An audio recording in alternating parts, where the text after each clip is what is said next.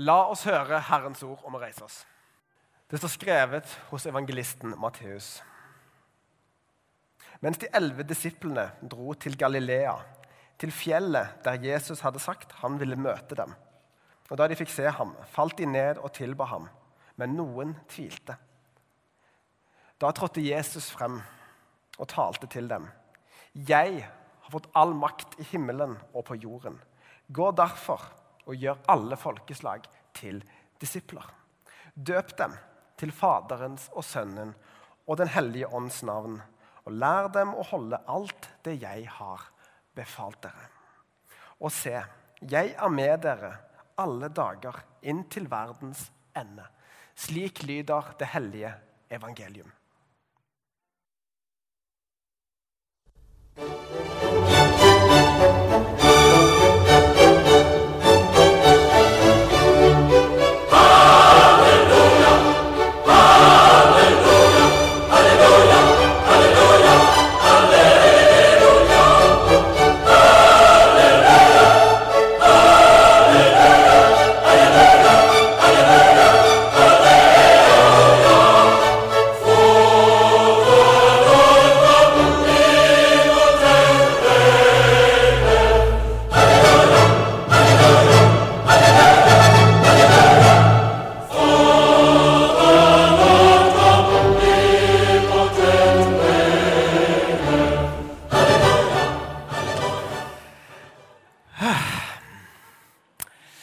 Ja, nei, hva skal vi si?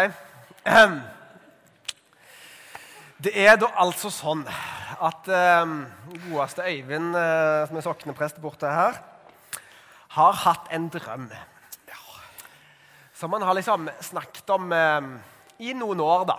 Og den drømmen ser dere nå resultatet av. Han hadde sinnssykt lyst til å være engel i konfirmasjonsgudstjeneste. Og så har jeg en englevits på lager. Den er slik.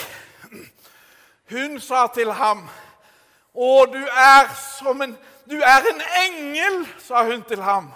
'Ja', sa han. Så fløy han.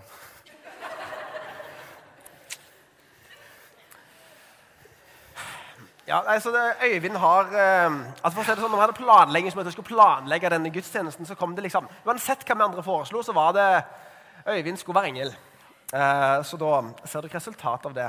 Så dette er altså en veldig stor dag for Øyvind. Og det er en stor for, dag for oss alle som er her.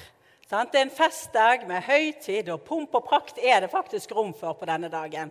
Så hva passet vel bedre enn Hendels Messias hallelujakor for konfirmantene på konfirmasjonsdagen?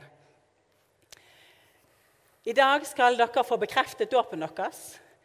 Gud skal bekrefte sin kjærlighet til dere, som dere fikk den gang i dåpen. Dere ble medlem da i Den norske kirke, og dere ble en del av det verdensvide kristne fellesskapet. Og nå lurer jeg med dere eh, prester. Dere har jo døpt en del etter hvert. Altså, Klarer dere å se hvem av oss som er her i dag, som er døpt? Ja, altså, Han i dressen der, for eksempel. Om Han? han, er døpt? Ja, eller Ja. hun i bunaden der? Eller vedkommende som sitter der bak. Kan dere se om de er døpt? Ja, det er vanskelig, altså. Det er rett og slett umulig. Ja, Ja. det, Hæ? Ja, men dere er jo prester. Dere, det er jo dere som tegner dette kjærlighetstegnet som korset er, på den som blir døpt. Og likevel ser ikke dere det. Nei. Umulig. Da er jeg glad for at Jesus ser tegnet sitt på folk. Om det er usynlig for oss, så ser Jesus det. Det tror i hvert fall jeg. Og i dåpen så fikk vi troen som en gave. Nå er det mange av dere konfirmanter som skal få og har fått gaver i dag. Jeg vet ikke om den akkurat ser ut sånn som denne gaven, kanskje. Men jeg vet heller ikke hvordan trosgaven ser ut. Men troen fikk vi som en gave i dåpen. Og vi kan velge å si nei takk. Vi kan kaste den vekk. Vi kan la den stå der og se litt på den. Vi kan åpne den. Kanskje vi ivrer i full fart og likevel Nei, jeg vet ikke. Kanskje vi åpner den, så bruker vi den litt. Setter vi fra oss en periode i livet. tar vi troen frem igjen og bruker den i andre perioder. Hva du velger å gjøre med trosgaven du fikk, det er helt opp til deg. Gud har skapt oss mennesker med fri vilje. Men nå dette konfirmantåret så har dere fått bruke trosgaven i vårt fellesskap. Og så er det sånn, eh, Øyvind, Du pleier å ha en sånn konfirmantsamling eh, om den risikoen ved å tro eller ikke å tro. Så nå lurer jeg på Kan ikke du si noe om det? Ja. Noen tror at de vet, mens her i kirka vet vi at vi tror. Og det er ganske store forskjell på de tingene der. Nå skal vi få opp et bilde av en franskmann. Franskmannen Blaise Pascal, som levde på 1600-tallet, og som det snart er 400 år siden ble født. En veldig smart person. Han la grunnlaget for moderne sannsynlighetsteori. Og Første gangen jeg hørte om Pascal, var at et dataprogrammeringsspråk var oppkalt etter han. Han var matematiker, han var fysiker, han var filosof, og han var oppfinner. Han oppfant bl.a. en mekanisk kalkulator, eller egentlig en datamaskin. Og det før strømmen var kommet. Pascal har tenkt og sagt mye klokt men dessverre så ble han altså bare 39 år gammel. Pascal han hadde et tankeeksperiment vedrørende tro. Han stilte seg sjøl spørsmålet Når tar jeg den største sjansen?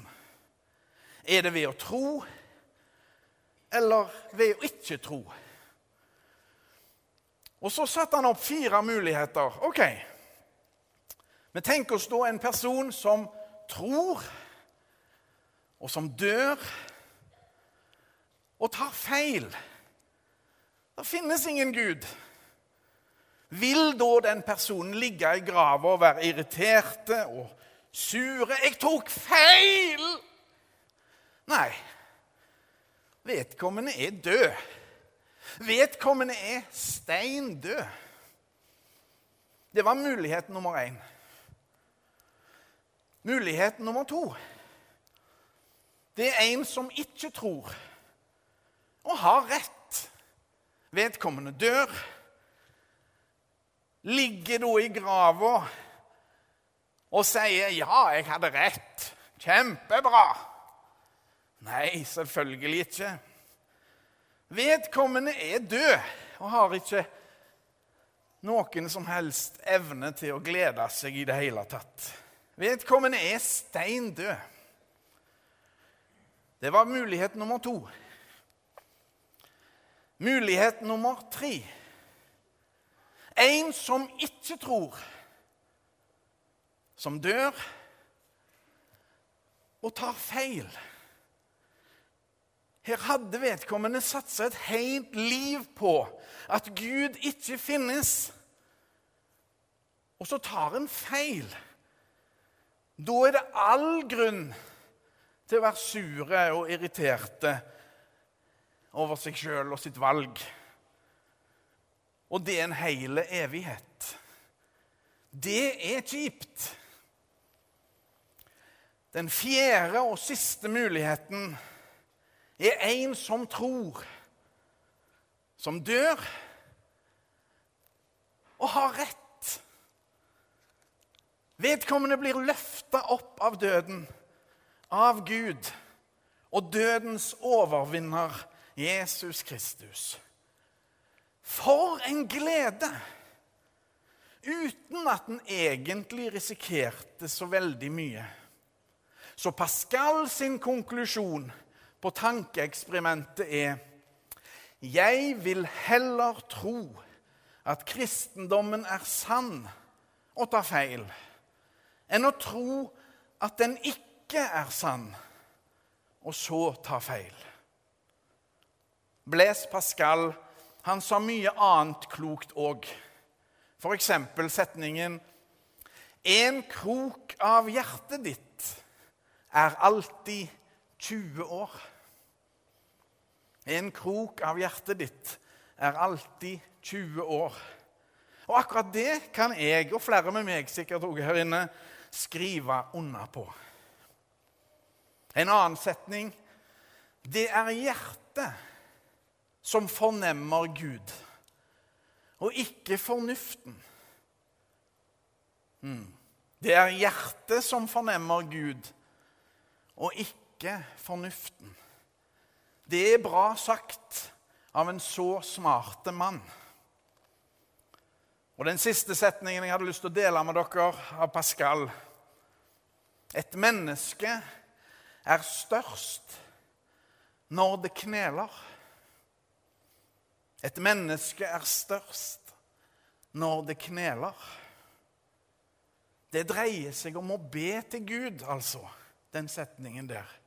Og knele skal dere alle i dag. Dere har tatt knelekurset, så dere vet hvordan dere skal gjøre det.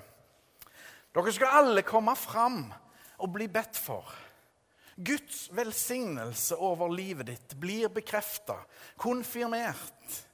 Jesu kjærlighet, som du ble overøst med i dåpen, er virkelig den samme.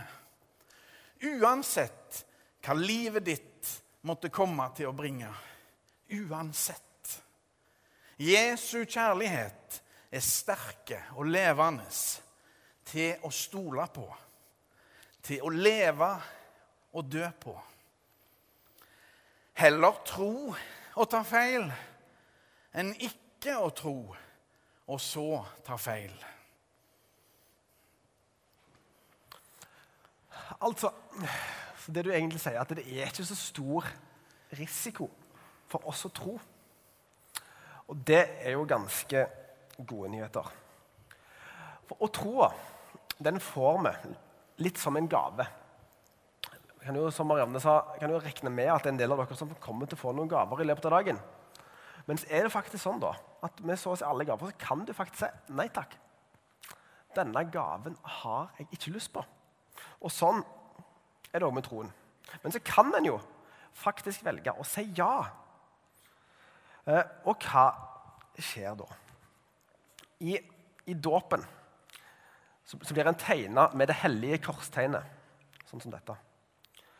Eh, og, og, sånn som vi snakket om, troen altså Det korset det er usynlig. og Det er vanskelig å se hvem som er døpt, og hvem som helt tror. Men tro det kan òg gjøres. Det kan praktiseres og utøves. Og da kan den troen den kan få ringvirkninger, sånn som de dråpene som dryppet ned i vannet her i stad. Som jeg leste fra det vi kaller for misjonsbefalingen i stad. Der sto det Døp dem til Faderens og Sønnen og Den hellige ånds navn, og lær dem å holde alt det jeg har befalt dere.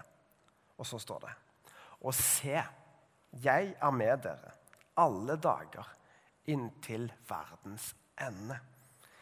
Jesus sier til oss alle, og spesielt i dag til dere konfirmanter, at han alltid vil gå sammen med oss.